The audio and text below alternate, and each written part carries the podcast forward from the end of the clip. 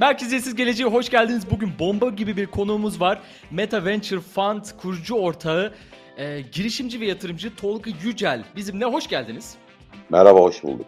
Böyle merkeziyetsiz geleceği beraber inşa etmeye çalışan insanlar olarak bu vizyona katkıda bulunmaya çalışan insanlar olarak bir araya geldik. Ee, nasıl heyecanlı mısınız özellikle programa katıldığınız için ama onun dışında bu merkeziyetsiz gelecek vizyonu için? Valla programa katıldığım için daha da heyecanlıyım. Yani program öncesinde böyle bir heyecanım yoktu ama özellikle böyle hazırlık aşaması ve dinamizmi kazanırken ben de heyecanlandım. E tabii bir de merkeziyetsiz bir gelecekle ilgili de bir heyecanım var. Ama sıralarsak program heyecanı bir, merkeziyetsiz heyecanı iki. Öyle sıralayalım. NFT Summit NFT Summit İstanbul etkinliğinde onu da e, eklemeden geçmeyelim. NFT Summit Doğru. İstanbul etkinliği e, var. Biz de Merkeziyetsiz Gelecek'te e, medya sponsoru olarak bu etkinlikte bulunacağız. E, evet. Tolga Yücel de etkinliğin e, kurucularından. E, Valla çok bomba gibi bir etkinlik olacak. Şu yani şu an ekranda görüyorsunuzdur. E, bir bir kadro var yıkılıyor efendim tüm İstanbul tüm ekosistem NFT Web3 ekosistemi orada kalbi orada atacak diyebilir miyiz? Doğru bir de tabii sadece e, bizim Türkiye'deki ekosistemin değil aynı zamanda e, yurt dışından birçok konuğumuz gelecek. Onların da kalbi İstanbul'da atacak. Biz e, onunla daha da heyecanlanıyoruz. Çünkü İstanbul'u bu anlamda merkez yapma gibi bir fikrimiz var, düşüncemiz var.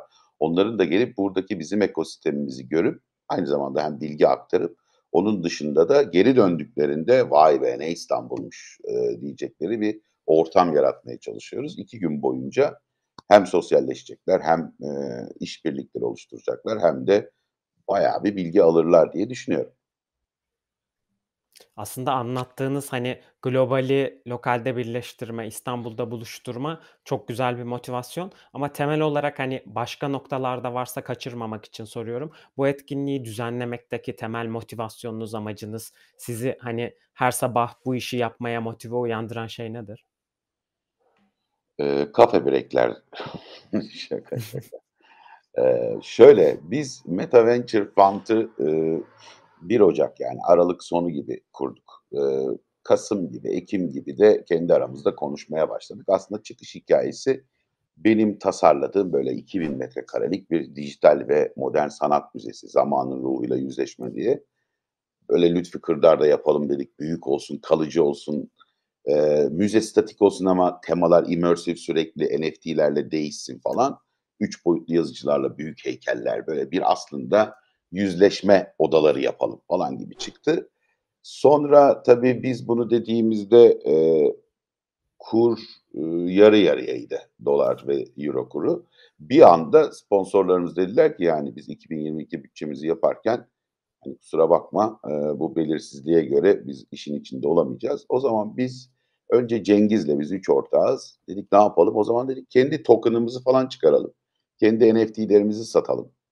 Böylece biz öncesinden yani Web3 ruhuna uygun bir şekilde burayı finanse edelim. Sonra Amerika'da yaşayan Oltaç diye bir arkadaşımız var bizim. O da işte uzun yıllardır Dünya Bankası geçmişi olan 60-70 tane e, fintech'e yatırımcı olarak, girişimci olarak girmiş.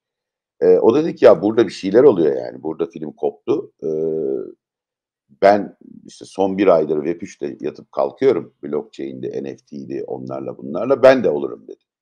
O zaman ne yapalım ne dedim? Dedik ki biz e, ma, kendi çektiğimiz derdi yani finansman bulma, bir projeyi hayata geçirme, orada e, konvansiyonel kaynakların kendisinin tıkanması. O zaman dedik ki biz o zaman şöyle bir şey yapalım. E, biz bir e, bu işin merkezinde şirketi kuralım. New York'ta kuralım.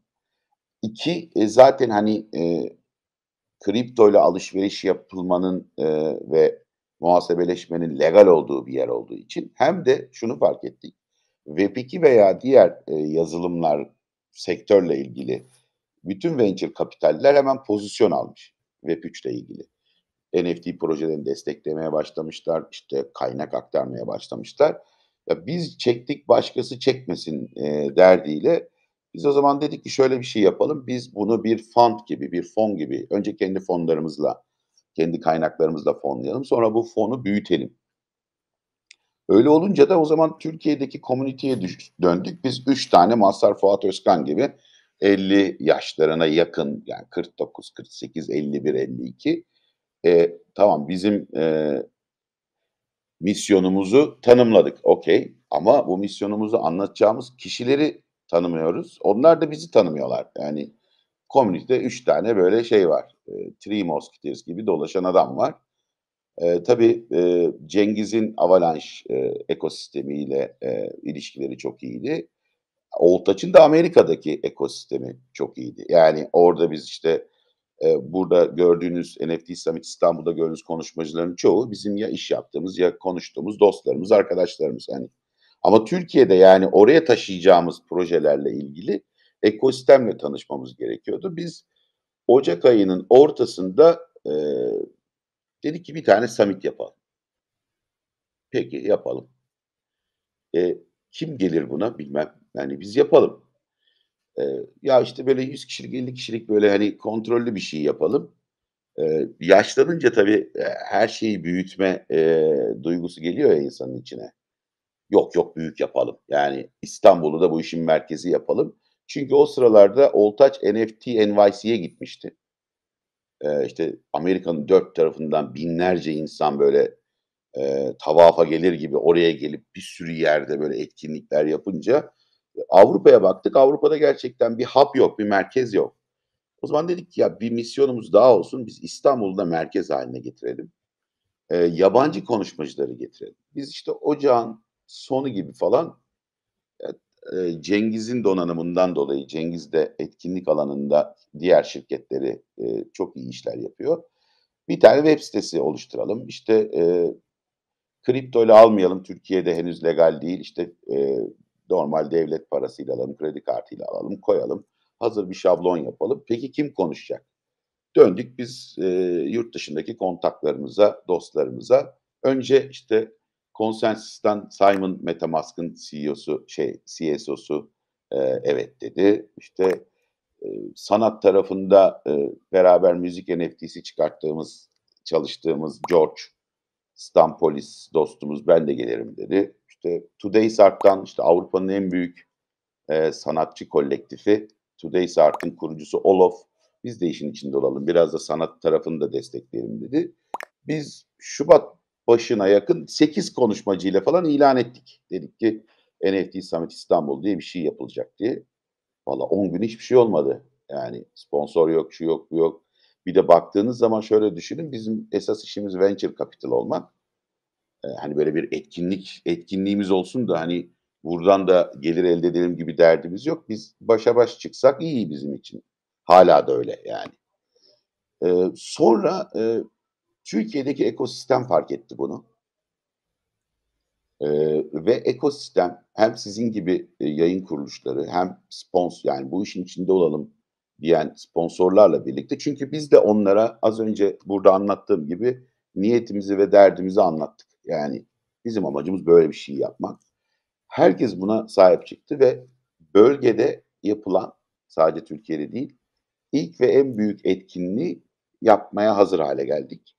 Şu anda 100'e yakın konuşmacımız var. İşte 30'a yakın, 30'un e, üstünde medya sponsorumuz var. Öğrenci grupları var, blockchain toplulukları var. Ee, yabancı konuşma ve sanat tarafında da işte bir tane AR içinde sergimiz var, bir tane Metaverse içinde sergimiz var. Biz de kendimiz de bir koleksiyon getiriyoruz, desteklediğimiz bir koleksiyonu orada yayınlayacağız. Sponsorlarımız e, dün e, Cengiz'le konuşurken e, öğrendim. İnanılmaz standlar hazırlıyorlar, sosyal aktiviteler e, planlandı. Yani bir anda bizim yani Şubat'la Mayıs ayı arasında e, hayata koyduğumuz, ortaya koyduğumuz bir iş haline geldi. Yani çıkış noktası budur. Bir insan bu kadar kısa anlatamaz yani. Gayet güzeldi. Temel olarak yani tüm hikayesini anlamış olduk. Bence motivasyonu da bu kadar büyük resmi görünce anlamak daha makul. Hani nasıl bu noktaya geldi, nasıl büyüdü, e, hepsini adım adım takip etmiş olduk. Bence gayet güzel bir özetti. Süper, süper oldu o zaman. Evet, 10 dakikalık keyifli bir özetimizi dinledikten sonra benim aklımda şu şu soru var. Bu etkinlik komüniteden büyüyen bir etkinlik olmuş anladığım kadarıyla. Doğru. Yani Doğru. E, siz başlattınız, kıvılcımı yaktınız. Aynen e, öyle yani oldu. Buradaki topluluk da bekliyordu bunu. Biz de bekliyorduk. Valla yani Türkiye, İstanbul'da böyle bir etkinlik olsun. Sonraki etkinliği de bu arada Antalya'da istiyoruz. Ben topluluk adına, Türkiye'deki topluluk adına ben size söyleyeyim. Ee, Antalya'da Temmuz'da falan istiyoruz. Yok ama Temmuz'da da çok fena olmaz mı? Çok sıcak Hayır, Haziran, mı? Temmuz yani, yani yaz ayları diyelim. Heh, heh, çok İnsanları iyi. Haziran, Temmuz tam böyle hani Haziran mesela çok güzel tarih. O zaman da akın akın yurt dışından bu sefer gelirler çünkü biliyorsunuz yani Antalya herkes hastası. Ee, nerede olacak diye beklerken topluluktan da işte burada bir oluşum çıkıyor ve Web3'ün de gücü bu aslında yani gerçekten e, herkesin Doğru. işin içine bir e, bir katkıda bulunup kendinden bir şeyler özveriyle bir şeyler vererek katkıda bulunup e, sonrasında buradan zaten bir e, geri dönüşü olacağını veya olmayacağını beklemesi de önemli değil. Yani zaten gelecektir e, diye düşünüyor, biliyor zaten e, buradaki toplulukta. E, güzel valla. Peki şey sorayım e, ben de buradan e, toparladıktan sonra. NFT Summit adı e, NFT ile bilet satmayı hiç düşündünüz mü? Yani Düşündüm. ne zaman NFT ile bilet satmaya başlayacaksınız? Nasıl olacak o iş? Şöyle onu çok düşündük. Biz normalde hani e, merkezimiz Amerika. Etkinlikte pop olarak NFT'lerini vereceğiz Summit'in zaten. Hani bila bedel olduğu için. Ama ilerideki summitler için fayda üreteceğiz. Orada hatta bizim e, portföyümüzde olan bir projenin CEO'su birebir NFT'yi sıfırdan orada herkesin önünde yapıp dağıtacak. Onun da zaten e, başlığı e, How to make your own NFT. Yani bir NFT'nin nasıl yapıldığını da katılımcılar görecekler. Orada da çıktı olarak da bir pop olarak da e, orada katılımcılara vereceğiz. Biz NFT ile e, kripto ile almayı çok düşündük doğru. Ama sonra şuna baktık hani ilkinde en azından şöyle bir e, hukuksal bir sıkıntı oluşmaması adına Türkiye'de çünkü e, herhangi bir şekilde alışveriş yapamıyorsunuz yönetmelik e, kapsamında. Hani dedik ya böyle bir şey yapmayalım şimdilik. Pop yapalım. E, hani bilabedel olduğu sürece sıkıntı yok. Hani e, ama önümüzdeki sürelerde e, biz de bunu ekleyelim diye düşünüyoruz. Çünkü biz İstanbul'u kalıcı yapacağız ama yurt dışında da bu sefer tam tersini yapmayı düşünüyoruz. Buradaki topluluğu başka başkentlere götürüp orada onların lansmanını yapmayı hedefliyoruz. Onun için başka başkentlerde yaptığımızda kesin NFT ile e, bilet yaparız. Harika. Peki hani etkinliği şu anda fiziksel olarak yapıyorsunuz. Evet. NFT'nin bir ucu da aslında Metaverse'e uzanıyor. Biraz da Metaverse Doğru. konuşalım istiyorum. Hani bu noktaya gittiğimiz zaman etkinliğin bir Metaverse versiyonu olacak mı veya gelecek planlarınızda böyle bir konsepte etkinlik yapma planı da var mı? Yani büyük ihtimalle önümüzdeki yıllarda olacak ama bizim esas e, yapmak istediğimiz şey topluluğu bir araya getirmek olduğu için bizim önceliğimiz tabii ki bizim de içinde bulunduğumuz, desteklediğimiz, portföyümüze almak için konuştuğumuz metaverse'ler var. O büyük ihtimalle hani öyle bir şey olduğu zaman onu içinde de yapmayı düşünebiliriz. Neden olmasın? Tabii ki olur ama özellikle bu emekleme döneminde yani Web3'ün emekleme döneminde biz e, doğrudan temasın, daha önemli olduğunu düşünüyoruz. Yani insanlar bir araya gelsinler, toplansınlar, fikir alışverişinde bulunsunlar, tanışsınlar, fiziksel olarak da bazı şeyleri üstünde tartışabilsinler diye düşünüyoruz. Ama hani şöyle düşünün, siz de çok hakimsiniz merkeziyetsiz dünyaya. Hani Web3'ün geleceğinden biri nasıl Web2'yi içerik üretimini sosyal medya köpürttü. Web3'ü de Metaverse köpürecek. Yani görsel bir ortam halinde bu kodların, yazılımların e, çalışıyor olması köpürecek. E biz de zaten büyük ihtimalle hani önümüzdeki dönemde bu ruha uygun işler yapacağız. Ama bizim temel ihtiyacımız olduğunu düşündüğümüz şey bu en azından ilk iki yıl e, insanların bir araya gelip işte hem sosyalleştiği hem tanıştığı bir dönem. Tanıştıktan sonra sıkıntı yok. Hani orada bir sürü proje üreteceklerini ben de düşünüyorum. Dün mesela e, ben de bir seminere katıldım. Dün Tony Robbins'in e, bir semineri vardı. Hayat Tasarımı Master Class'ı e, diye. E, çok severim. E, Tony Robbins'in de bir sürü böyle seminerine katıldım. O da mesela şey diyor. 3 saatlik bir seminerdi. E, Tony de hep diyor böyle işte hayatını değiştiren en önemli olayların hep böyle seminerler olduğunu, seminerlere gidip orada işte başka e, çok yetenekli, çok e, belli bir noktaya gelmiş tecrübeli insanların bilgilerini ve tecrübelerini paylaştığı e, yerde çok hızlı hayat değiştirici e, şeyler bulabildiğini e, söyledi. E, ve hani o zamandan bir ben de hep böyle seminerlere katılmaya çalışıyorum. Şimdi bu bahsettiğim dünkü mesela etkinlik online olmasına rağmen mesela işte duygu geçişleriyle işte böyle heyecanlı hareketler işte haydi ayağa kalkıyoruz şimdi e, enerji yükseltiyoruz gibi böyle hani aktara e, biliyordu duyguyu e, yani işte birebir olmasak da yüz yüze bakmasak da duyguyu aktarabiliyordu. Ama Doğru, tabii yine de çok da e, böyle nasıl diyeyim e, dikkat dağıtıcı etmem var. Bilgisayar sonuçta işte orada arkadan bir şey açayım mı, telefona bakayım mı gibi. E, şu anda çünkü dikkatimizi dağıtacak çok şey var. O yüzden hala bu e, yine de bu etkinliklere canlı katılmak e, herhalde bu paylaşılan bilginin sırf oldu, Doğru. olduğumuz için bile e, zihnimizde daha fazla yer etmesini e, sağlıyor. Yani ya da bununla ilgili daha e, belki işte artık e, AR gözlüklerini kafamıza taktığımız ve o zaman e, etkinlikleri daha e, işte daha fazla duyu, duyumuza hitap ederek e, yaşayabildiğimiz bir e, alana gelip belki hani bunu çözebileceğiz ama şu an için bu hani birebir temas e, galiba bu yani hala bu etkinliklerde e, daha daha çok kişiye daha rahat bir şekilde ulaşabiliyoruz e, diye düşünüyorum. Doğru. Bu, Ya doğru. e, Ekipman bir de ekipmanlar şu anda daha e, emekleme safhasında siz de biliyorsunuz. Yani hani bilgisayar ekranları değil ama e, işte bu VR gözlükler ya da VR lensler e, geliştiği sürece özellikle e, giyilebilir teknolojiyle entegre olduğunda e, şu anda mesela e, İTÜ'de bir seminerde TÜBİTAK e, tam bir yetkiliyle birlikteydik. Onlar mesela eldiven üzerinde çalışıyorlar şu anda. Hani dokunmatik eldiven, e, hı. Yani biri sizi e, Metaverse'de itti. Yani tişörtteki o küçük nano sensörlerle birlikte sizin de vücudunuzda bir efekt oluşuyorsa o zaman yavaş yavaş evet gerçekle kurgu ya da sanalla gerçek arasındaki fark azalıyor. O zaman zaten bu konuştuklarımızı hani e, bu podcast'i dinleyenler var. Tarihte atalarımız neler konuşmuşlar diye dinleyecekler yani. Torunlarımıza anlatacak mıyız bunları?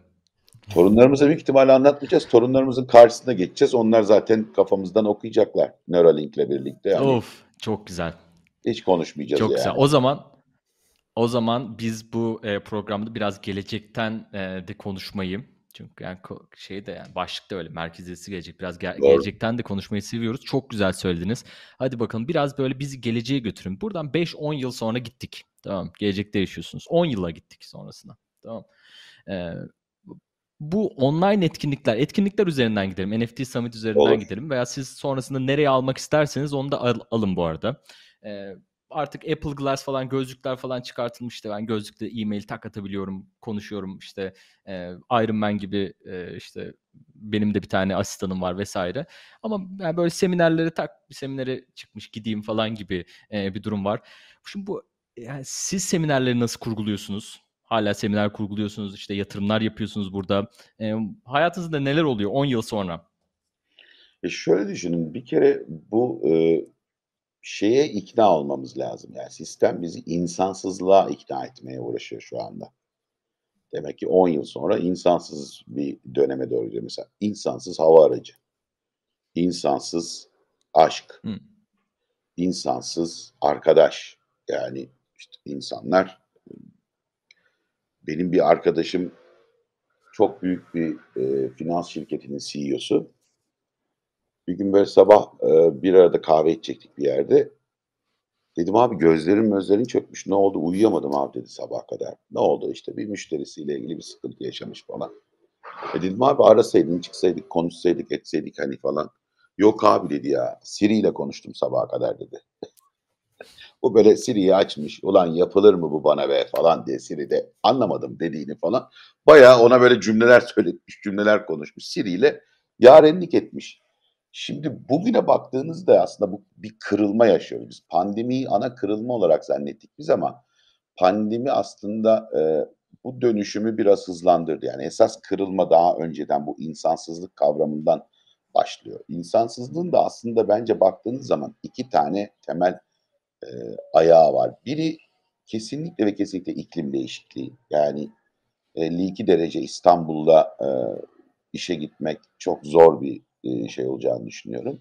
İki, bir de tabii e, kalifiye insan ihtiyacıyla standart insan ihtiyacı arasındaki a, büyük uçurumun e, giderek artması. Pandemiyle birlikte biz bunu bu iki efekti yani bir e, gelir elde etme yöntemini, iki gelir elde etme şeklini değiştiğini görüyoruz. Büyük ihtimalle 10 yıl sonra da biz e, kendi e, bize ayrılan bölümlerde hiç dışarı çıkmadan etmeden e, işte Matrix vari bir hayatta e, hatta e, işte şu anda büyük markaların metaverse yatırımlarına ve oyun şirketleri yatırımlarına bakarsanız işte ne bileyim 150 kilo bir insanın avatarının e, Kıvanç Tatlıtuğ gibi olduğu, elinde e, üstünde Versace ya da işte Gucci kıyafetler olduğunu, vay ne kadar güzelmiş falan. Sıradan avatarı olanlara hani toplumda dışlandığı, ya böyle mi gelinir toplantıya falan diye ya kardeşim hani sistem bana bu avatarı vermiş, üstüne bir şey giydirmemişim ben yani. Olur mu insan en azından gider bir tişört satın alır falan dediği e, bir yapıya doğru gideceğiz. Yani bu tabii ki bir üretim ya da istihdam ya da insan kaynağı sorununu da e, karşımıza çıkaracak. Ama hani online offline diye bir ayrım kalacağını düşünmüyorum ben artık. Yani etkinlikse etkinlik. E, hatta belki terse dönüp şu da olabilir. Çünkü e, iletişim hızlandığı sürece zaman fukaralığı daha da artıyor. Ve sizden beklenenler de artıyor. Yani hedonist bir gelecek.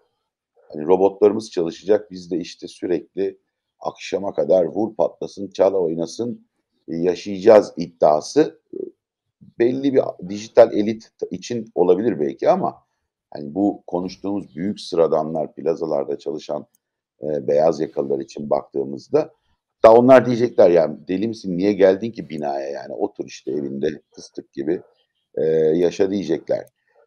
Ve bu kırılma e, yani işte bu küresel ısınmayla birlikte yaşayacağımız bu kırılma yani ya büyük yağmurlar işte büyük fırtınalar ya aşırı kuraklık ve güneş olabildiğince e, insanlar kendileriyle ilgili yaşadıkları darboğazı yansıtmayacakları bir metaverse'de olmayı tercih edecekler. Yani siz bugün e, bir lüks moda kıyafetini ya da bir çantayı hala anlamamışımdır ne işe yarar.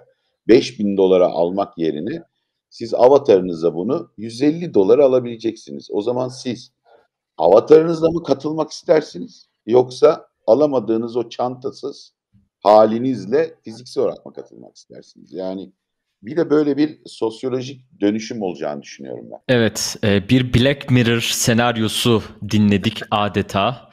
E, biraz böyle e, karanlık bir taraftan yaklaştık. Vallahi biraz ürperdim. E, ben dengesiz olacağını desem, düşünüyorum. Ya bizim dengesizlik. E, ya şöyle dengesiz olacağını düşünüyorum. Şimdi Türkiye'deki fütüristlere bakıyorum ben. Relevant bir kavram seçmişseniz, yani şöyle düşünün, bu ülkede şu anda e, Metaverse Metaverse Derneği kuruldu. Merkeziyetsiz bir yapının geliştirmek için derneği kuruldu. Yani hani merkeziyetsiz ve merkez kavramı yani Web2'ye takılı kalmış ya da eskiye takılı kalmış insanların okuma biçimleri kendi bildikleriyle çerçeveli oluyor. Ve bir relevant kavram seçmişseniz de bu arada e, bu yıla mutsuzluk çağı diyorlar biliyorsunuz. Hani insanlar sürekli mutsuz, tatmin problemi var. Ve insanlara böyle umut vermek çok iyi bir şey gibi oluyor böyle sevgi götüreceği gibi. Hayat çok güzel olacak, her şey harika, teknoloji çözecek. Burada bir tek benim dikkat ettiğim şey kuyruk teorisi. Yani kuyruğun başındakiyle sonundaki aynı güzellikleri yaşayacak mı? Benim dikkat et, dikkatini çekmeye çalıştığım şey tabii ki ben Web3'ün içinde bir venture kapitalin ortağıyım. Teknoloji büyüsün, teknoloji gelişsin, teknoloji olabildiğince hayatımızın her evresine girsin diye uğraşıyorum. Ama bu bunu ahlaksızca yapılsın, insanların e, belli kolektif düzenin dışında birinin elinde güç olsun, ötekinden faydalansın diye yapılması gerektiğine inanmıyorum. Yani Web3'ü bizim e, içinde olmamızın sebebi de bu kolektif ruh. Yani herkesin e, Doğancan'ın da az önce söylediği gibi yani ucundan tutup imece usulüyle bir şeyler yapıp ortaya koyması. İşte bu fikirle sevgi pötürecekleri arasında da bir anlayış farkı var. Aslında benim dikkat çekmeye çalıştığım şey dengesizlik. Yoksa tabii ki çok güzel bir gelecek olacak ama dengeli olursa. Furkan'ın da izniyle buradaki sevgi e, sevgi çiçeklerini temsilen e, ben biraz daha optimist e, taraftan yaklaşıyorum. Dünya bence bizim elimizde. E, neler yapmak istediğimiz, ne tarafa doğru çekmek istediğimiz dünya Doğru. bugüne kadar geldiği yerde e, bir şekilde e, daha iyiye gitmiş yaşayabileceğimiz de en iyi zamanlardan bir tanesindeyiz aslında. Bu tamamen aslında bakış açımızla da bağlı. E, dünyaya nereden bakmak istediğimizle de bağlı. Dünyada çok büyük problemler var mı? Var. Bunları çözüm üretebiliyor muyuz? Evet. O çözüm de getirebiliyoruz. Dünyayı bir sonraki zaman 10 yıl sonrasını 20 yıl sonrasını e, bunu inşa edecek olan bizleriz aslında. E, daha üretilecek, daha bul, bulunacak, e, keşfedilecek de bir sürü teknoloji, bir sürü daha kıta var belki de yani. Belki toprak bile var. E, hani Amazonların içerisinde bulmadığımız belki işte şeyler var. E, kabileler var. E, ya da işte Mars'a e, gitmek gibi büyük böyle işte e, bazı adamların büyük e, hevesleri var. Burada e, o tarafı işte biraz daha belki e, optimist olarak e, ya ben o taraftan yaklaşıyorum. Ya Doğancan burada aynı insanları pardon sözünü kestim. Aynı fikirdeyiz. Sadece ben belki senden 30 yıl daha fazla yaşadığım için şunu söylüyorum. Kesinlikle aynı fikirdeyiz. Yani böyle olmasa zaten şu anda biz bu kadar bu işin içinde olmazdık üçümüz de şu anda gördüğün kusurlarıyla olan medeniyeti kuran insanlar biziz. Belki siz daha az ama biz daha fazla. Biziz yani. Dengesizlikler, açlıklar. Yani şöyle düşün. Obeziteden ölenlerin sayısı açlıktan ölenlerin sayısını geçmiş durumda. Şu bu dengesizlikler yok gibi bugün belli kararlar almaz isek diyorum ben. Gelecekte bu senin kurmayı düşünün. Yani Doğancan Başkan Dünya şampiyon. Onda hiçbir şeyim yok. Hani keşke senin gibi düşünen, senin gibi e, karar vericilerin tamamı senin gibi olsa. Onda hiçbir problemim yok. Problem şu. Doğancan'ın, Furkan'ın sistemin içinde masada daha fazla kalıcı ve daha fazla belirleyici olduğu zaman ben de güveniyorum. Mesela bana soruyorlar, peki anlatıyorsun kime güveniyorsun? Ben diyorum ki çocuklarıma güveniyorum yani. Hani biz onların karşısına çıktığımızda bayağı fırça yiyeceğiz. Hani ne yapmışsınız? Hani Greta gidip Birleşmiş Milletler'de canı sıkıldıkça fırça atıp geliyor yani. Siz mi? How do you dare falan diye giriyor.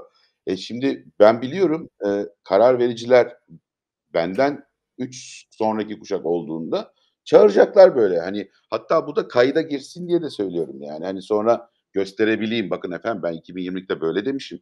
Hani sorumluluğun hepsini ben almıyorum. Yani yapmayanlara söyleyin diye hesap soracaklar yani. Bu medeniyetin kurulduğu e, ruhun insanlığın geleceğinde senin söylediklerini yapamayacağı bir engel oluşturma riskine karşı bugün bir farkındalık yaratmaya çalışıyorum. Peki çok güzel bir noktaya değindiniz. Yani zaten hani burada insanlara da bir çağrı olsun. Daha adil bir dünya kurmak isteyenler daha çok Web3 ekosistemine katılsın. Daha çok Doğru, inovasyonun parçası doğru. parçası olsun ki Aynen hani öyle. biz daha optimist tarafa çekebilelim bu dünyayı. O yüzden hani belki Web2'de dünyayı değiştirmeye çalışan insanlar daha geleceği de düşünerek biraz daha bizim ekosisteme de yaklaşıp bu vizyonlarını gerçekleştirebilirler. Doğru. Bununla bağlantılı olarak da bir soru sormak istiyorum. Az önce mesela derneklerden bahsettiniz. Orada korsan propaganda yapılıyor Furkan şu anda. Burada. Dağlar. Politik Evet. olarak Dağlar. artık Ben- dağlar. Tek bir tek Aynen, yani ben de ona böyle geliyordum. Doğancan Başkan veya Ahmet Başkan Aynen gibi öyle. bir şey değil de Bak dağlarla birlikte burada varız, politik burada aynı de fikirdeyiz. gelebilir. Ben evet, de evet. tam olarak o Hatta- noktaya geliyordum. Propagandadan etkilen. Gel Furkan. Gel. ver coşkuyu Furkan gönder bize. bizi. Soracağım. Ver coşkuyu Furkan. Ya ben şunu soracaktım. Aslında hani derneklerden bahsettik onu DAO'lara çekecektim. Hani geleceğin organizasyonları daha merkeziyetsiz olacak. İşte DAO'lar merkeziyetsiz otonom organizasyonlar etrafında. Belki bugünü iyileştirmeye çalışan o sosyal adaletsizlikleri çözmeye çalışan STK'lar, dernekler DAO'laşacak daha merkeziyetsiz bir yapıya gidecek. Hatta belki şirketler kendi organizasyon yapılarını DAO'laştıracak. Yani web sitenizde yazdığınız yazılarda da DAO'lara değindiğiniz için özellikle oraya çekmek istiyorum ki Doğru. sizce DAO'lar bu sistemi daha adaletli kılmakta, merkeziyetsizleştirmekte ve sorunları çözmekte etkili olacak mı? Yüzde yüz inanıyorum. Hatta biz şöyle söyleyeyim, sabah dün itibariyle online programı yayınladık. Tabii dün demeyeyim 19 Mayıs itibariyle diyeyim. E, kurguda sorun olmasın. 19 Mayıs itibariyle biz programı online yayınladık. Sabah ilk oturumumuz e, Doktor Taylan Yıldız'ın e, Yeni İnsan ve Yeni İletişim DAO'larla Demokrasiyle başlıyoruz biz. Yani ileride bu yeni organizasyon yapıları nasıl olacakla başlıyoruz. Biz inanıyoruz. Biz hatta şöyle düşünün yani NFT Summit İstanbul'u bile DAO yapmayı hedefliyoruz. Yani biz işte getirdik, yorulduk, helak olduk tamam. Ee, işte yani 3 ayda bu olacak bir şey değilmiş yani bu hani bir daha bana getirse en fazla hani çocuklarını rehin aldık bunu 3 ayda yapmalısın falan derlerse yaparım. Yani e, son özellikle topluluğun desteği olmasaydı zordu. Ama biz diyoruz ki yani tamam biz bunu yaptık bak böyle bir şey var fenomen oluştu. Biz şimdi bunun token'ını çıkaralım, DAO'sunu yapalım. Bunun hatta danışma kurulu olsun, karar vericileri olsun, kimler gelsin, kimler gitsin, nerede olsun organizasyonlar şu, bu ayrı bir iş haline gelsin. Ve bu topluluğun olsun. Yani biz çünkü şuna inanıyoruz.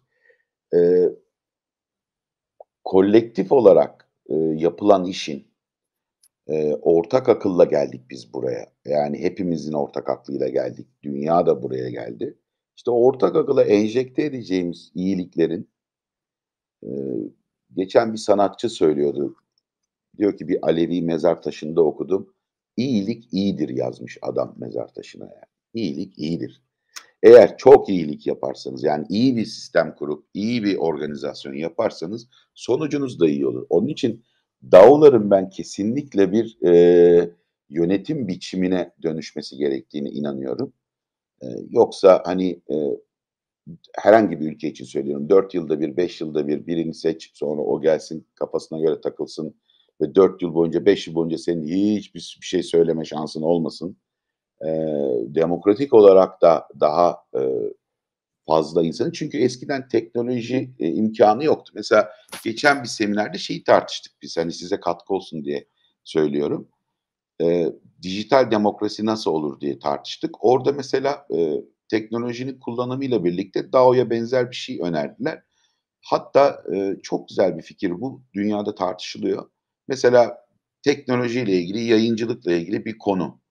Benim de bir oyun var o konuyla ilgili ama ben bilmiyorum o konuyu. Bana 10 tane insan ismi öneriyorlar uzman. İşte Doğan Canertaş, Furkan Saatçıoğlu. Bunlar diyorlar bu işin uzmanı. Ben de vekaleti Doğan Can'a ya da Furkan'a veriyorum. Diyorum ki bak kardeşim benim oyum yerine senin oyun daha kıymetli. Git bu konuyla ilgili en mantıklısını ver. Şimdi bunu eskiden yapamıyorduk teknolojiden dolayı. Hani basit bir e, enter tuşuyla yapabiliyoruz biz. Seç ismi enter'la o oyu kullansın. Şimdi DAO'lar bunu bir de organizasyon olarak yapabilir hale getiriyor. Onun için ben e, bu Doğancan'ın propagandasının DAO'larla olabileceğine inanıyorum. Teknokrasi biraz anlattınız yani hani o konuda gerçekten uzmanlığı olan e, insanların hani e, karar verici pozisyonda olması. Bir sonraki aşaması daha var bunun aslında e, DAO'larla birlikte algoritmik karar verme. E, bu sefer Doğru. artık e, bilgisayarların içerisine girdiği e, karar Semantik. vermede insanların etkin olduğu ama e, daha çok bu işte e, nasıl diyelim yazılımdan geçerek e, bu vereceğimiz kararların sonuçları ne olabilir, kelebek etkisi ne olabilir? Bunun bilgisayar yardımıyla algoritmik kararlarının e, verilerek sonuçları ne olabileceğini değerlendirebileceğimiz bir dünyaya gidebiliriz. Şimdi bunu tercih etmek ama e, politik bir gücü devretmek e, anlamına geliyor. O yüzden e, arada bir e, problem de var. E, yani çünkü insanın e, elindeki gücü e, daha büyük bir gaye için e, vermesini gerektiriyor bu. Şimdi bunu yapma yapma kararını vermek dünyada zor. Bizde alakası yok bunun. Türkler doğru, falan doğru, doğru. E, hiçbir alakası yok. Dünyada zor. İnsanlıkla e, zor bir durum. E, ama oraya zor. gidebilir miyiz? Oraya gidebilecek kararı verebilir miyiz? E, o işte hepimizin göreceği e, ve bir noktada belki de e, bir kararla karşılaşacağı bir e, zamanı gösterecek bize. Yani bu şöyle düşünün, e, her kuşak e, çocukluğunda yaşadığı travmalarla e, hayatını şekillendiriyor bakarsanız. Mesela işte benim annem 1948 doğumlu. İnanılmaz tutumlu bir kadın hala. Yani herhangi bir maddi problemi olmasa da tutumlu bir kadın. İşte bir yere taksiyle gitmek yerine otobüste gidelim ne gerek var falan modunda.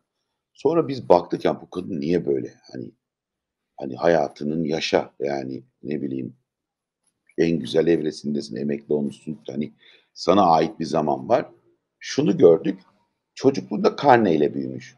İkinci Dünya Savaşı'na Türkiye girmemek için e, ham madde sıkıntısı yaşadığı için yani belli bir yüksek bir menfaat için yaşadığı sıkıntılarla büyümüş. Yani ekmeği, çayı, her şeyi karneyle almış. Şimdi onun çocukluğunu şekillendirmiş. Şimdi gelin geleceği kuracak çocukların bugünkü yaşadıkları çocukluklara bakın.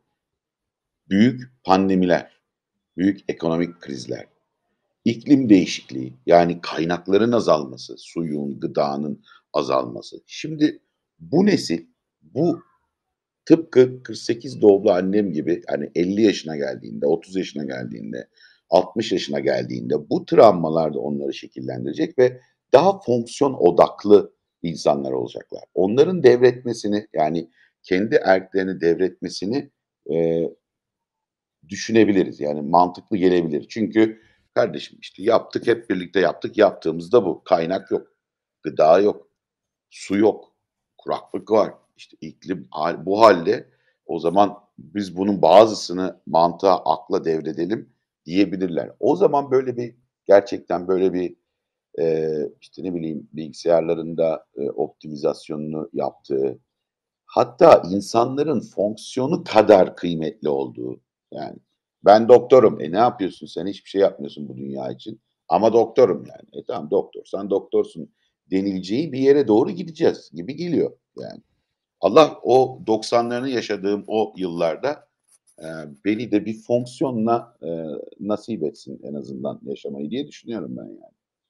Ben de bu düğmeye basıyorum falan diyeyim hani. Ya benim e, sormak istediğim bir noktada aslında ikinizin söylediklerini biraz bir araya getirmek istiyorum.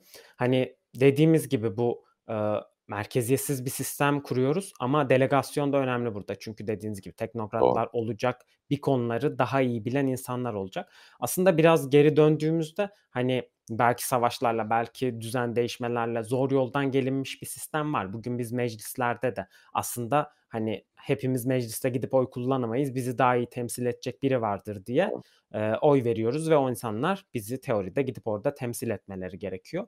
Ama e, şirketlerde de böyle yönetim kurullarına e, oy Doğru. haklarımızı aslında bir nevi devrediyoruz ve bizim adımıza karar veriyorlar. Ama burada tabii ki daha basit sistem olduğu için her adayın oyunu direkt biriyle ilişkilendiremediğimiz için sistem biraz hani doğrudan parti seçmeye yönelik bir hale evriliyor siyasi sistemde. Yani biz burada aslında bizi temsil edecek vekili seçmeyi bıraktık. Doğrudan parti seçiyoruz ve onun doğru vekili atacağına güveniyoruz. Yani hani 6 tane isim var verdiğin oy diyelim bir şehirde hangisine gidecek hangisini sokacak tam ona göre kimse karar vermiyor. Ama burada dağılaşırken merkeziyetsizleşirken birey seçme yetkisi insanlara geri verilirse belki demokrasideki bu temel unsur yani takım tutar gibi parti tutma unsuru ortadan kalkıp bizi doğru temsil edeceğine inandığımız insanlara oyları ulaştırabilir. Belki onların hani doğru teknokratların bizi doğru alanlarda temsil etmesini daha iyi sağlayabiliriz gibime geliyor. Bunu söylemek istedim ki biraz da yorumlarınızı alayım çünkü genel endişelerden biri de hani Web3 dünyayı yeniden inşa etmeye çalışıyor ama hani ateşi yeniden bulmaya gerek yok. Biz herkesin oy vereceği bir sistemi denedik. Olmadı. O yüzden bugün temsil eden kurullar, partiler var. O yüzden böyle evrildik. Ama burada o nüansı ne yaratacak merkeziyetsiz organizasyonlarda ve merkeziyetsiz tüm yapılarda belki siyasi oluşumlarda. Hani bu konuda ne düşünüyorsunuz? O nüans ne olacak? Ya organizasyon yapıları komple değişmek zorunda. Yani yoksa dediğine katılıyorum. Aynı şey olacak. Yani bir kakafoni bu sefer hani yine orada manipüle edebilenlerin aktif olduğu bir DAO olduğunu düşün. Yani görünürde DAO ama arkasında DAO ama yok aslında hani gibi. bir de şuna dikkat etmek lazım. E, dünyadaki yönetim organizasyonları, yapıları, ister buna devlet, ister şirket, ister okul, ister üniversite ne dersen de iki tane temel şeyden etkilenmiş. Biri 1789 Fransız ihtilali, ikincisi de sanayi devrimi. Yani burada gördüğün bütün e, yönetmelik, prosedür, proses, her yerde yazılılara bak. İşte insan kaynağının saat 8'de okula gitmesi, akşam 5'te çıkması, zille dışarı çıkması Pavlov gibi e, ve zille girmesi, ayağa kalkması, oturması, takım elbise giymesi mezun olduktan sonra çalışacağı sanayi şirketlerinde de uygulayacağı kuralları birebir görmesiyle doğru orantılı. Şimdi bu sanayi devrimi ve Fransız ihtilaliyle oluşmuş kurumları değiştirmezsen zaten ister DAO yap, ister TAO yap, ne yaparsan yap bir şekilde e, bu senin söylediğin etki yaratılmayacak. Onun için bugünün önemli olduğunu düşünmemin yani bugün bunları tartışalım abi. O kadar da birebir öyle zıp diye güzel gelecek ama herkes için güzel gelecek fikrine girmememin sebebi de bu. Çünkü yarınla ilgili kararı bugün alabilirsin. Yani yarın Furkan'ın söylediği bu dünyayı yaratabilmek için elimizde bir tek zaman var bugün. Yani küresel etiği var mı bu işin mesela? Yani bir insan bir insanın verisi üzerinden ne kadar para kazanabilmeli? Hani 250 milyar dolar mı kazanabilmeli? 100 milyar dolar mı kazanabilmeli? Ne bileyim e, bu insanlar e, hak ettikleri yani web üzerinden aldıkları bilgiler karşılığında sahip olduklarına bir bedel ödemeliler mi? Ya da o makinalar Doğancan'ın söylediği bilgisayarlar kararı alırken insanlık adına hangi etik kodlarında çalışacaklar? Bugün insansız araçlar bile hala işte 44 milyon teste ulaşmaya çalışıyor.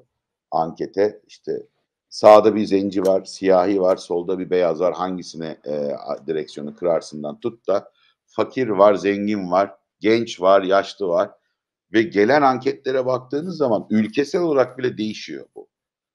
Ya ortak bir zemin oluşturmadığın sürece bugün yani evrensel bir etik kodu oluşturmadığın sürece bu sistemlerde etki tepki üzerinde kısmen bir alan alacak, bazen alan kaybedecek ama e, üçümüzün de burada teyit ettiği DAO sistemini yine insanlar organize edecekler. Onların da ortak en azından şimdi daha yeni kurulurken ortak bir e, zeminde kurallarının ne olması gerektiği, nasıl çalışması gerektiğini bir şekilde e, oluşturmamız gerekiyor. Belki de hani büyük bir foundation'dan bahsediyoruz. Yani dünyanın dört tarafında ilk DAO'nun bu etik değerleri oluşturacak bir foundation'ın DAO'su olması gerektiğine inanıyorum ben. On binlerce insan önce bu kuralları belirlesinler belki de. Valla güzel e, söylediniz. Prensipler e, belirlenmesi e, gerekir diye söylediniz. Valla çok sorun var. Nasıl yapalım? Çok soru var daha. Ama biraz da hızlanmamız lazım. Tamam. E, şöyle, e, şimdi siz bir risk sermayesi e, kurucusunuz. E, burada farklı şirketlere yatırımlar yapıyorsunuz. Farklı girişimlere yatırım yapıyorsunuz. Teknoloji girişimleri yapıyorsunuz. İşte Web, Web 3 e, alanında e, Meta Venture Fund ile e, bunları yapıyorsunuz. Doğru. Nelere yatırım yapıyorsunuz? E, bu kararları, yatırım kararlarını nasıl veriyorsunuz? Hızlıca onu Biz alalım. şu an, tamam, e, hızlıca geçeyim. Biz şu anda yaklaşık 9-10 projemiz var. E, pipeline'ımızda olan 2-3 tane daha var.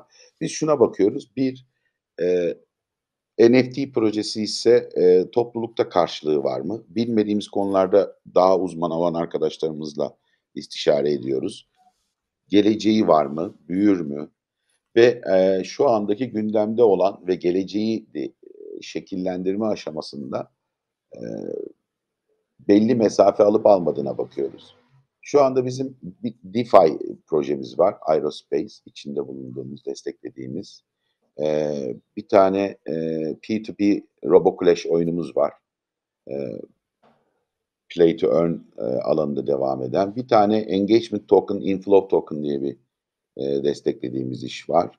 Apex Turco Duydum. diye kendi yaptığımız bir iş var. E, orada da işte eğlenceli board ape'ler yaratıyoruz biz de kendimiz Türk işte nargile içen maymun, e, arkasında kız kulesi olan maymun. Onu biz eğlenmek için yapmıştık ama e, yavaş yavaş böyle yayılıyor, insanlar duyuyor.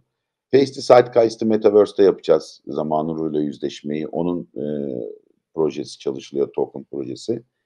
E, işte NFT Summit'in dönüştürülmesi var. Bir de bunların hepsini e, lead edecek, birbirine de ortak edecek.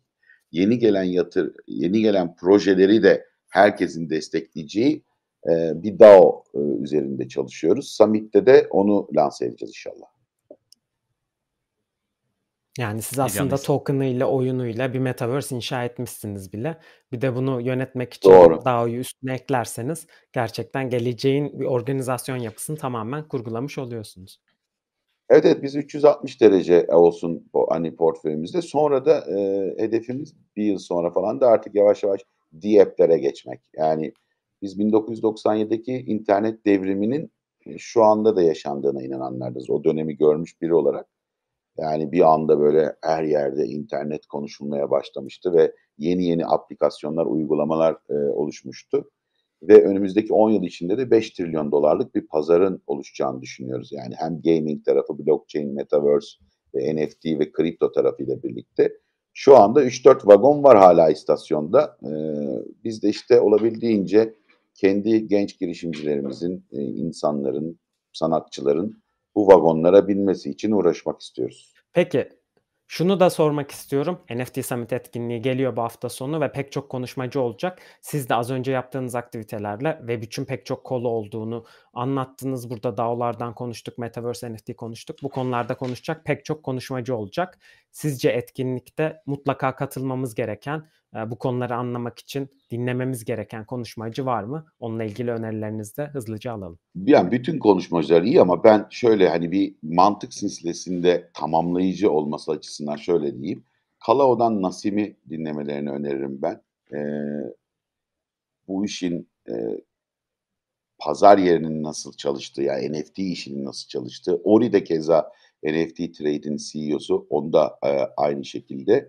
Bu işin Metaverse tarafıyla ilgili e, Sebastian Borge, e, Sandbox'ın hem kurucusu hem CEO'su, onu onları dinlemesini e, öneririm. Bir de Simon Morris, işte bu MetaMask'ın sahibi olan e, kurucusu, Consensus'ın Chief Strategy Officer'ı. O tarafta da cüzdan tarafını dinlemelerini öneririm. Bunun dışında da gaming ile ilgili çok konuşmacımız var. Gaming tarafında da e, kimi önersem diye ben bu arada da bakıyorum. John Hook olabilir. E, onların birlikte yani gamingçilerin birlikte olduğu bir panel var. E, farklı sektörlerden mesela müzik için George olabilir, film ve sinema için Nurgül Yeşilçay ve şey olabilir, e, Necati olabilir. Hani farklı sektörlerde ne olduğunu anlamak için. İşin hukuk tarafıyla ilgili olarak da e, Burçak'ı dinleyebilirler. Burçak da New York Barosu'na kayıtlı bir bu konularda çalışan bir avukat.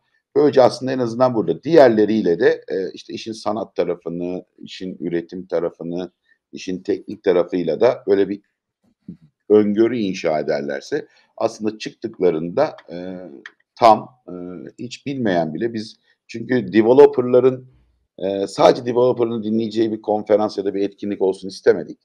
E, onlara da özel konuklarımız var. Sıfırdan e, gelip ya da yeni başlamış NFT sanatçısı da olmuş insanların da dinleyeceği, edeceği etkinlikler yapmayı planlıyoruz. Onun için bu konuşmacılar böyle bir set gibi belki onlara bir filtre verebilir. Vallahi güzel söylediniz. Burçak Ünsal dediniz. Biz siz orada ortaklarınız arasında da gördük. Ee, evet. Biz vallahi bizi tanıştık. İnşallah birlikte de çalışacağız. Süper. Peki. E, çok teşekkürler. Bence çok keyifli bir program oldu. Valla bence programımızın de son oldu. kısmında programımızın son kısmında bir tane daha böyle bir eğlencelik bir kısmımız var. Tamam. Şimdi bunu birini al birini sat diye bir bölümümüz var. Burada e, bu kısımda bir tane sepetiniz var. Ondan sonra bu sepetinizi işte biz size iki tane şık sunuyoruz. Onlardan bir tanesini seçiyorsunuz, sepetinize atıyorsunuz. Onun en sonunda da e, bakıyoruz sepetinizde e, iyi toplamış mısınız, iyi trader mısınız e, yatırımcı olarak yoksa işte ekside misiniz, artıda mısınız onu değerlendireceğiz. Puanlar tamamen e, oldukça merkezi olarak tepeden inme geliyor. Biz yani bize de puanlar geliyor böyle. Çok tepedenin. Biz de bunu çözmeye çalışıyoruz. Bu programdan sonra bunu nasıl merkeziyetsiz yaparız? E, onda bakacağız. Ben Ee, kötü ama yatırımcıyımdır valla. e, bakacağız, bakacağız. Haydi bakalım. Birini al, birini sat. Başlıyor efendim.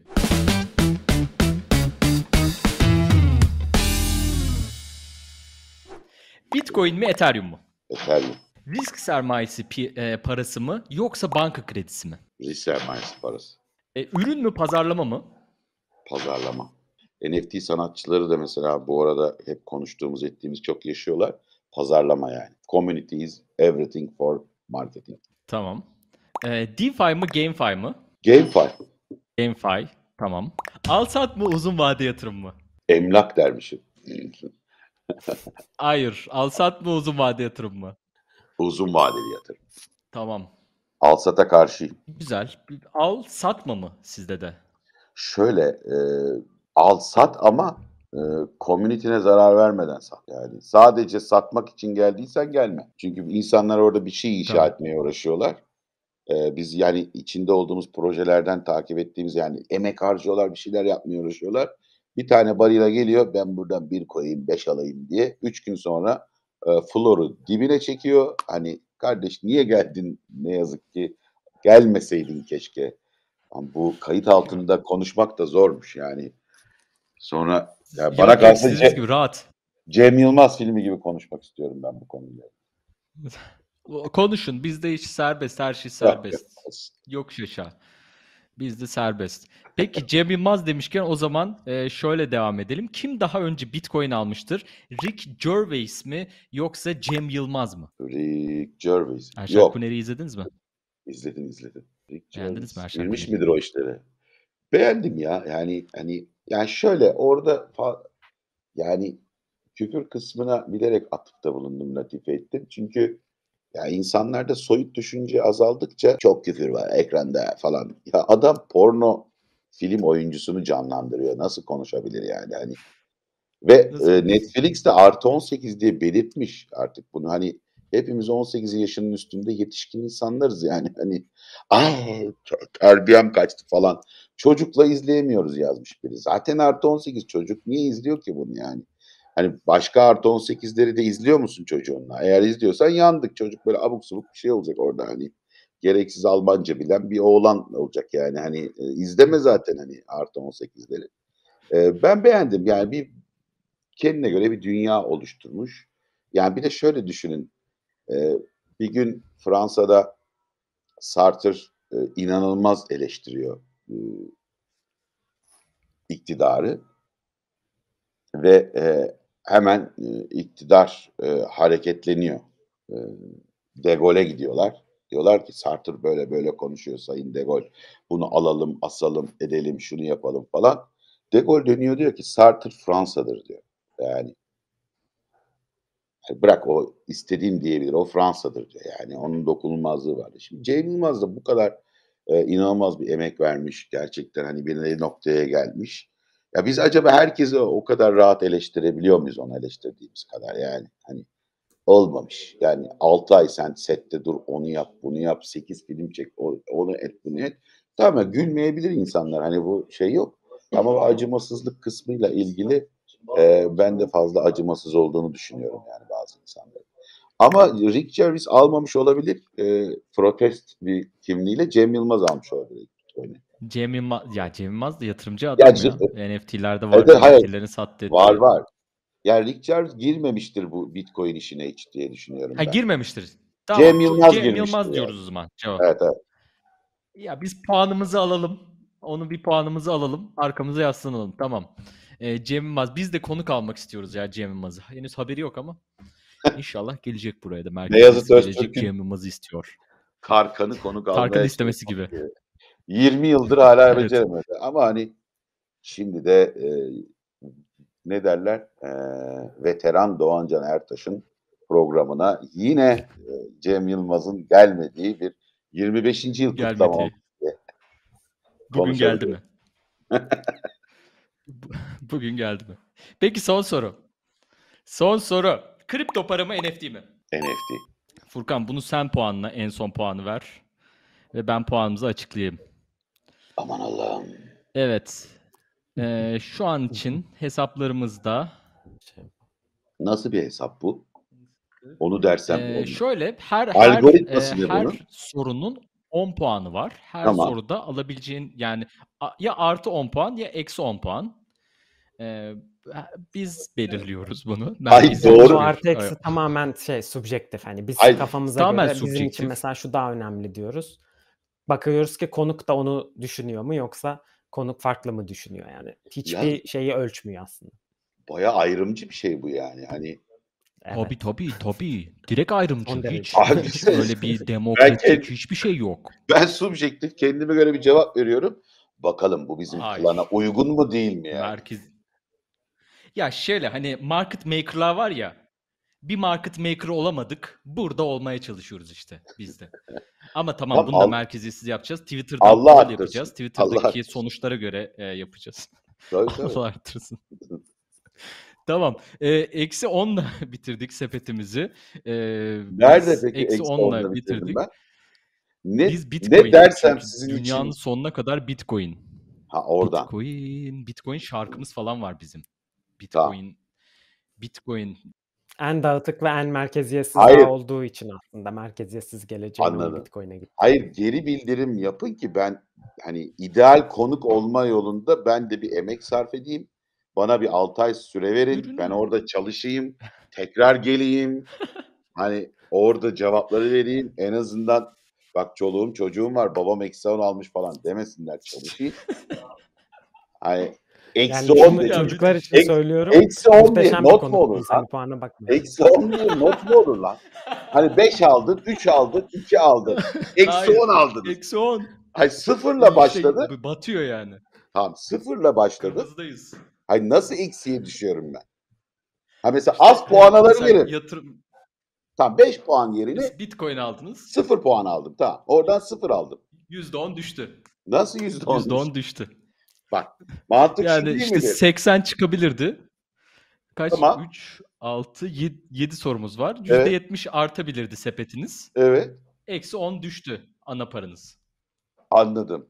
Meta, Ana Metaverse Fund, Venture Fund eksi 10 biraz bir ufak bir düşüş oldu.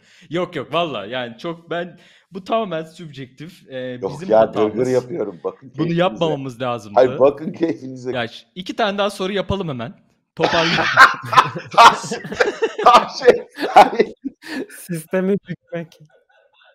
Biz en iyisi bunu halka soralım. Halkın cevaplarını bekleyelim. Biz bunu merkeziyetsiz yap. Bu böyle olmuyor işte. Bakın merkeziyetçi sistemlerin sonu. Bunlar da zor. vesayet böyle var. görüyorsunuz. Burada Böyle sizin olmuyor. vesayet kuruyorsunuz konuklar üzerinde. Bir vesayetiniz var. Doğru. Var. Hakikaten var. Yani ya yaptığımız doğru değil. Yani bunu da izle yorumlarda da gömün arkadaşlar bizi. Ee, Furkan'ı daha çok gömün. Çünkü benim fikrim değildi. Yok. Hayır bir de aralarında da şöyle paslaşıyorlar. Furkan son puanı da sen ver diyor. E yazıyor ki zaten hani sanki o an o an değerlendiriyor sanki bir de. Vallahi Furkan bak onu da eksi verecektim. Furkan artı verdi. Vallahi elim gitmedi. Furkan verdi onu. Hayır bir de kendi aralarında böyle bir dünya kurmuşlar. Rakı sofrası gibi. Furkan adam cevap ver. Hadi onu da sen ver. Hani bir de onun payelerini birbirlerine dağıtıyorlar. Hani Furkan onu sen ver. Bak son şeye sen sana verdirttim. Belki de kapatınca öyle hani oğlan ne güzel paslaştık falan şeklindeki konulara lütfen konuklarınızı e, oyuncak etmeyin. Yani bu insanlar emek harcıyorlar, bir şeyler yapıyorlar, ediyorlar. Yani Furkan neye göre verdi o puanı da ben eksi onda kaldım. O da bilmiyor yani. Bakıyor o an. Ya o kısmı ben e, tekrar tekrar izlen, izleyeceğim şeyde yayınlandığı zaman hani son puanı da sen ver Furkan. Hani hani ama ben e, e, Furkan'ın ekranda görünmeyen bir tarafıyla karar verdiğini düşünüyorum yani. Doğru. Ee, Aslında arkada bir Orada da gölge şey var. Board var. Yok ben mabadından attı şeyi gibi olan. söylemiştim ben. o da Yani onu kastetmiştim ben. tamam abi çok eğlendik harbiden. Ee, elinize sağlık. Güzel bir Evet. yarışmaydı. Sizin de Sadece çok bana bu söylenmedi. Yani böyle bir şey oldu söylenmedi. Keşke söyle çalışırdım. Sizleri daha fazla tanımaya, dünya görüşünüze yakın en azından geçecek kadar yani bir 50 alsaydım iyiydi. Ee, ama yine de çok güzel bir yayındı. Sizle sohbet etmek güzeldi. Yarışmak için aynı şeyi söyleyemem ama hani E, gerçekten e, çok eğlendim yani. Elinize sağlık. Çok güzel bir yayın. Ben notlarım notlarım böyle bir sürü not aldım burada. Hani e, çok gerçekten yani bilgi dolu, e, çok keyifli bir program oldu. E, kurmaya çalıştığınız yapı da yani gerçekten çok etkileyici. E, hem bir e, kapital fonu oluşturuyorsunuz. Bir, bir sürü başka e, işe, girişime yatırım yapıyorsunuz. Gerek Türkiye'de Amerika e, odaklı olmak üzere öncelikle. E, sonrasında burada e, Türkiye'yi bir e, bir ana merkez haline getirip yani İstanbul'u bir ana merkez haline getirecek bir vizyonla e, burada bir e, summit organizasyonu yapıyorsunuz ve bu ne kadar işte büyük bir komünitenin, topluluğun topluluğun gücüyle de e, bu büyüdü ve bunu da aslında bu etkinliği de e, hani merkeziyetçi bir yapıda olmaktan çıkarıp merkeziyetsiz tamamen bu bütün girişimleri merkeziyetsiz hale çevirip bir dağılaşma, e, belki etkinliklerden başlayacak. Sonrasında işte bu e, fonların yönetimine, hangi fonların e, fonların fonun nereye yatırım yapacağına e, kadar belki karar verici bir DAO e, ya doğru bir evrileceğiniz e, planlardan bahsettik. Yani e, bu dünyanın yani içerisinde e, sizin gibi insanlar olduğunu bilmek e, yani çok güzel e, ve Sağ olun. umuyorum ki e, bir başka programda daha görüşürüz. En yakın program bir daha sizde bir zaten ufak bir canlı yayına katılırız şeyde NFT Summit'te. Orada olacağız. Olur olur. Ee, Süper olur. denk getirebilirsek e, tekrar Bekleriz görüşürüz efendim. efendim. Görüşmek Peki şunu üzere. sorayım son olarak sizi nerede bulabilir insanlar, nereden takip etsinler çalışmalarınızı? Hani burada çok şey öğrendiler ama bunun bir devamı da olsun. Sizi takip etmeyi Summit, bırakmasınlar. sa- Nereden e? Summit, Summit için nftsummit.ist e, hesabından hem kayıt olabilirler hem takip edebilirler. E, Meta Venture Fund'ın şu andaki portföyü ve ne yaptığını ettiğiyle ilgili de metaventurefund.com'dan e, elimizde ne var, ne yapıyoruz, ne ediyoruz böyle çok basit e, bilgi sahibi olabilirler. E, yine e, sosyal medyada Twitter kullanıyoruz biz. Yeni Twitter hesabımızı oluşturduk. O da Meta Venture Fund olarak e, aynı, birebir ismi aynı. Oradan takip edebilirler. E çünkü biz projelerimizi, bir daha LinkedIn'imiz var. Projeleri biz oradan sürekli paylaşıyoruz, ediyoruz o hesaplardan. E, oradan e, takip ederlerse biz de mutlu oluruz. En azından belki fikir alışverişi yapma şansımız da olur. E, sizin Twitter'ınızda S Tolga Yücel. Evet Tolga Yücel. Doğru mu? Evet doğru. Linkleri de aşağıda bulabilirsiniz. E, NFT Summit etkinliği geliyor efendim katılın. E, bu programı e, merkeziyetsiz gelecek olarak biz de medya sponsoruyuz orada. E, biz de orada olacağız. E, Valla biz de bulun. Oralarda e, denk geliriz. E, görüşelim efendim. E, bu işte e, yarışmayla ilgili bizi doğramak, siz nasıl böyle şeyler yaparsınız ya diye böyle ateşe atmak isteyen olursa orada olacağız efendim. Yargının karşısına da çıkmaya gerekirse hazırız. Ne yapalım? Yaptık bir hata, geri alamıyoruz e, diyelim. Bir de bir çekilişimiz var. E, bir adet NFT Summit'e e, bir bilet hediye edeceğiz. E, onun da bilgilerini, detaylarını yine yorumlarda e, bulabilirsiniz. Twitter'dan falan takip etmek e, gerekecek. E, basit şeyler. Görürsünüz efendim. Hoşçakalın. Birini al birini sat konseptini geliştirmeye devam edeceğiz. Konuklarımızdan aldığımız geri bildirim ve diğer insanlarla.